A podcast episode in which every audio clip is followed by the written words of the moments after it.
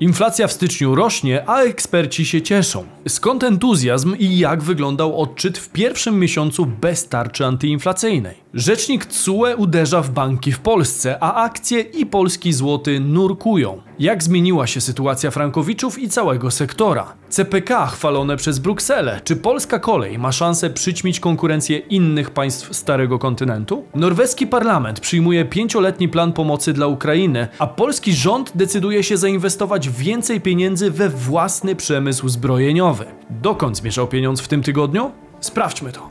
Bizweek. Cotygodniowy przegląd świata biznesu i finansów. Cześć, tutaj Damian Olszewski i witam Was serdecznie w programie Praktycznie o Pieniądzach i informacyjnej serii Bizweek, gdzie co tydzień otrzymujecie dawkę najważniejszych informacji ze świata biznesu i finansów. Warto subskrybować kanał, aby wiedzieć, co dzieje się w naszych portfelach. Stałych widzów proszę natomiast o niewielki kredyt zaufania w postaci łapki w górę na potrzeby algorytmu. Sprawdzimy, czy to cokolwiek daje. Czas to pieniądz, więc Zaczynajmy. Inflacja w górę, a eksperci się cieszą. Dlaczego tak jest? Styczniowy odczyt inflacji wyniósł 17,2% w skali roku i 2,4% w skali miesiąca. To odczyt wyższy niż w grudniu, ale niższy od oczekiwań rynku, który prognozował wynik 17,6%. Ekonomiści mówią więc o pozytywnym zaskoczeniu. Jednak poziom inflacji nadal jest tak wysoki, że ciężko konsumentom o uśmiech. Dlatego zachęcam do takiego skromnego. Tym samym mało prawdopodobny staje się scenariusz, w którym oficjalny odczyt w lutym miałby przekroczyć 20%. Jeśli nic po drodze nie wybuchnie, to już w marcu powinniśmy obserwować ponowny spadek odczytu inflacji. To oczywiście nie oznacza, że ceny będą spadać, tylko że będą rosły wolniej. Styczniowe przyspieszenie inflacji wynikało przede wszystkim z wyższych cen energii, które podniosły się za sprawą powrotu 23% VAT-u. Przypominam, że do końca roku obowiązywała stawka 5%. Według danych nośniki energii w styczniu były o 10 5,4% droższe niż w grudniu oraz o 34% wyższe niż w styczniu 2022.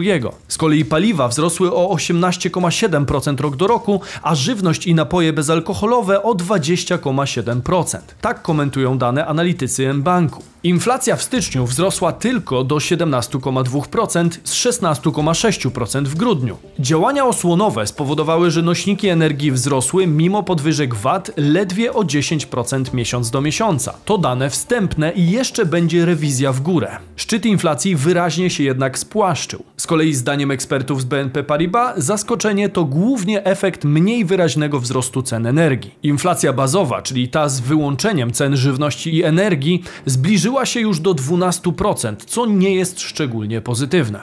Jednak według większości prognoz już od marca powinniśmy mieć do czynienia z dezinflacją, czyli zjawiskiem stopniowego spowolnienia wzrostu cen. Rzecznik TSUE uderza w polskie banki. Kredyt we frankach był darmowy? Jeśli myślicie, że ta sprawa dotyczy wyłącznie frankowiczów, to jesteście niestety w błędzie. Niedawno wydana opinia rzecznika Trybunału w sprawie kredytów frankowych to prawdziwy koszmar dla sektora bankowego. Rzecznik CUE Antony Michael Collins stwierdził w niej, że jeśli umowa kredytowa jest od początku nieważna, to konsument oprócz zwrotu pieniędzy i odsetek może domagać się dodatkowych świadczeń. Z kolei bank czy instytucja finansowa oprócz zwrotu pieniędzy nie może domagać się niczego więcej. Rzecznik postawił sprawę jasno. W wypadku umowy kredytu hipotecznego uznanej za nieważną z powodu nieuczciwych warunków, bank nie może dochodzić od konsumenta wynagrodzenia za korzystanie z kapitału. W praktyce oznacza to, że jeśli wzięliśmy wadliwy kredyt frankowy, to bank nie ma prawa naliczyć od niego odsetek. Zwrócimy zatem jedynie tyle, ile pożyczyliśmy. Jest to dość kontrowersyjna decyzja, bo w takim scenariuszu frankowicze skorzystaliby z kapitału po prostu za darmo. Z kolei osoby, które zadłużyły się w tym czasie w złotym, musiały normalnie płacić wysokie odsetki. Stanowisko rzecznika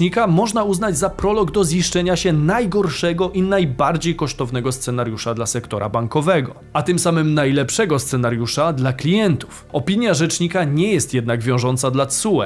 Trybunał wyda własne orzeczenie w sprawie umów kredytowych najwcześniej w wakacje. Jednak warto dodać, że do tej pory często wspomniana opinia rzecznika wyznaczała kierunek dla ostatecznej decyzji. Jak będzie w tym przypadku? Gdyby orzecznictwo w sprawach kredytów frankowych stało się skrajnie niekorzystne korzystne dla banków, straty sektora mogłyby sięgnąć nawet 234 miliardów złotych. Takie szacunki podała Komisja Nadzoru Finansowego.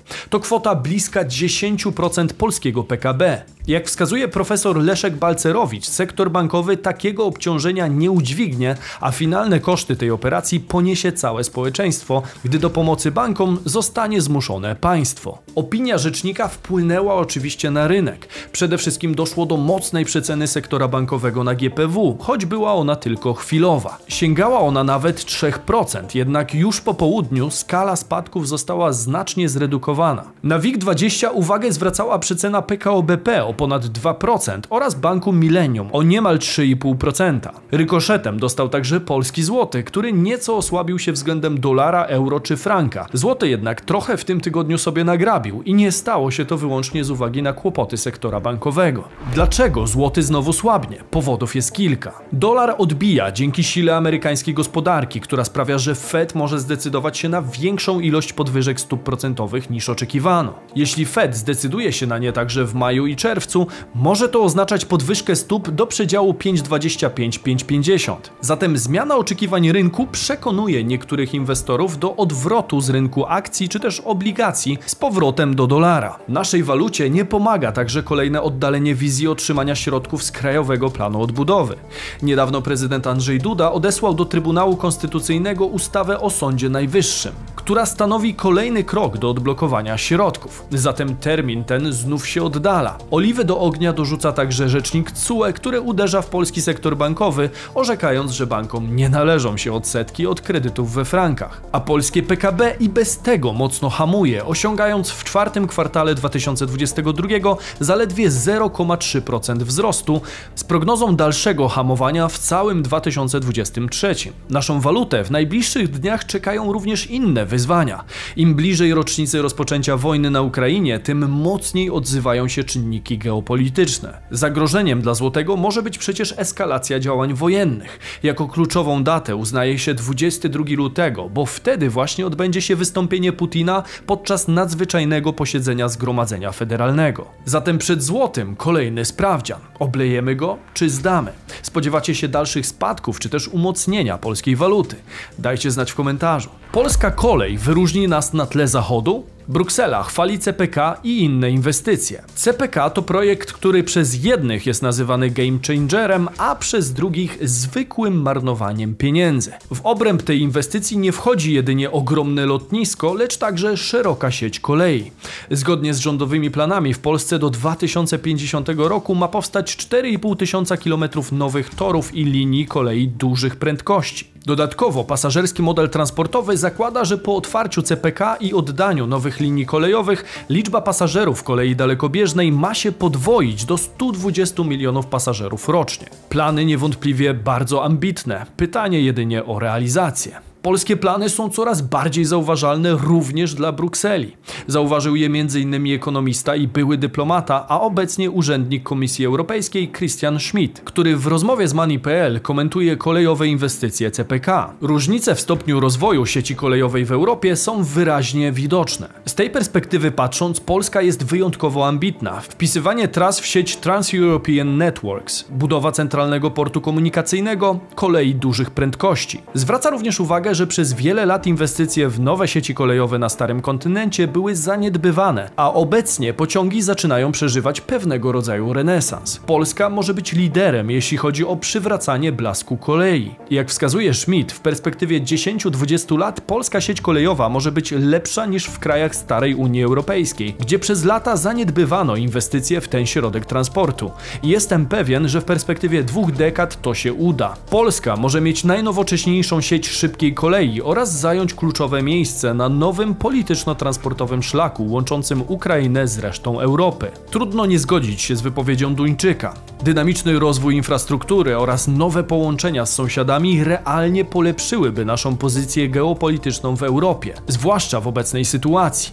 Pytanie jedynie, czy inwestycja rzeczywiście zostanie zrealizowana, czy będzie może stanowić jedynie kolosalną wydmuszkę pochłaniającą kolejne miliony złotych. Jak uważacie? Podzielcie się w komentarzu. Norweski parlament przyjął pięcioletni pakiet pomocy dla Ukrainy. Pomoc Ukrainie jest coraz bardziej zauważalna wśród państw Zachodu. W tym szerokim gronie mocny akcent zarysowała aktualnie Norwegia, której parlament przyjął w czwartek pięcioletni pakiet pomocy finansowej dla Ukrainy o wartości 75 miliardów koron, czyli jakieś 6,7 miliarda euro. Jakie wsparcie będzie to zapewniać naszym sąsiadom? Zgodnie z zatwierdzonym planem od 2023 roku w ciągu 5 lat każdego roku Ukraina ma otrzymywać 15 miliardów koron, czyli jakieś 1,3 miliarda euro. Będą to środki pochodzące m.in ze sprzedaży norweskiej ropy i gazu. Te fundusze będą wydawane w zależności od potrzeb, czyli na przykład na ukraińskie wojsko bądź pomoc ludności cywilnej i odbudowę zniszczonego przez wojnę kraju. Prezydent Wołodymir Zełeński decyzję polityków w swoim przemówieniu online nazwał historycznym wkładem i wspomniał, że jest to konkretna pomoc. Zełeński odniósł się również do swojej przemowy w norweskim parlamencie z marca zeszłego roku i zaznaczył, że różnica jest taka, że teraz jesteśmy pewni, że wolny świat nas nie zawiedzie. Jesteśmy przekonani, że Ukraina nie zostanie pozostawiona sama sobie w obliczu takiego wroga. Mamy pewność, że Europa nie odda wrogowi żadnego ze swoich terytoriów. Przyjęcie pakietu pomocy dla Ukrainy poparły wszystkie parlamentarne ugrupowania oprócz Partii Czerwonych, określającej siebie jako socjalistyczną i marksistowską. Sprzeciw partii nie miał jednak dużego wpływu na głosowanie, ponieważ posiada ona zaledwie 8 mandatów w 169-miejscowym parlamencie. Konsorcjum Huta Stalowa Wola zostanie mocno dofinansowane.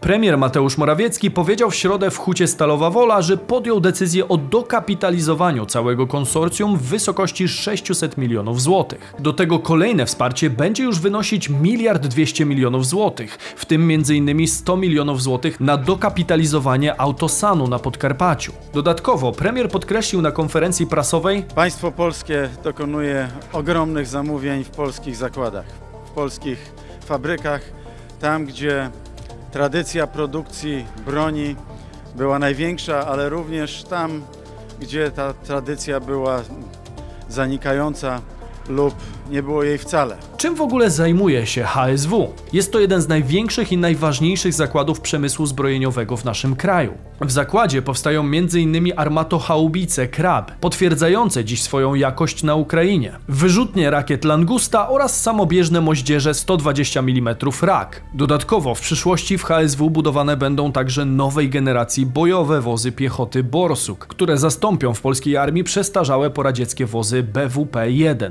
Dokapitalizowanie huty to znak tego, że Polska dalej się zbroi, co dobitnie potwierdza fakt, że na wojsko polskie zostanie przeznaczone aż 4% polskiego PKB. Ponadto premier podkreślił podczas konferencji, że do budowy polskiej armii potrzebne są trzy sprawy: pieniądze, pieniądze i jeszcze raz pieniądze. Dobrą informacją jest to, że część tych pieniędzy zostanie w kraju, bo do tej pory stawialiśmy głównie na zakupy za granicą, na przykład u Amerykanów czy Koreańczyków. Polskie firmy zbrojeniowe także mają spory potencjał i warto ten sektor rozwijać, tworząc nowe etaty i zapewniając zlecenia rodakom, skoro część wydatków dzięki temu może do nas wrócić w podatkach. Mówił Damian Olszewski, a to był Bizweek, wasz cotygodniowy przegląd najważniejszych wydarzeń ze świata biznesu i finansów. Jeśli podobał Wam się ten odcinek, to warto również nadrobić poprzednie tutaj, póki są jeszcze aktualne. Zostawcie subskrypcję, aby wiedzieć dokąd zmierzał pieniądz oraz hashtag Bizweek uczy w komentarzu, żebym wiedział kto dotrwał do końca. Tymczasem do zobaczenia jak zwykle w sobotę i niedzielę o 15. Cześć!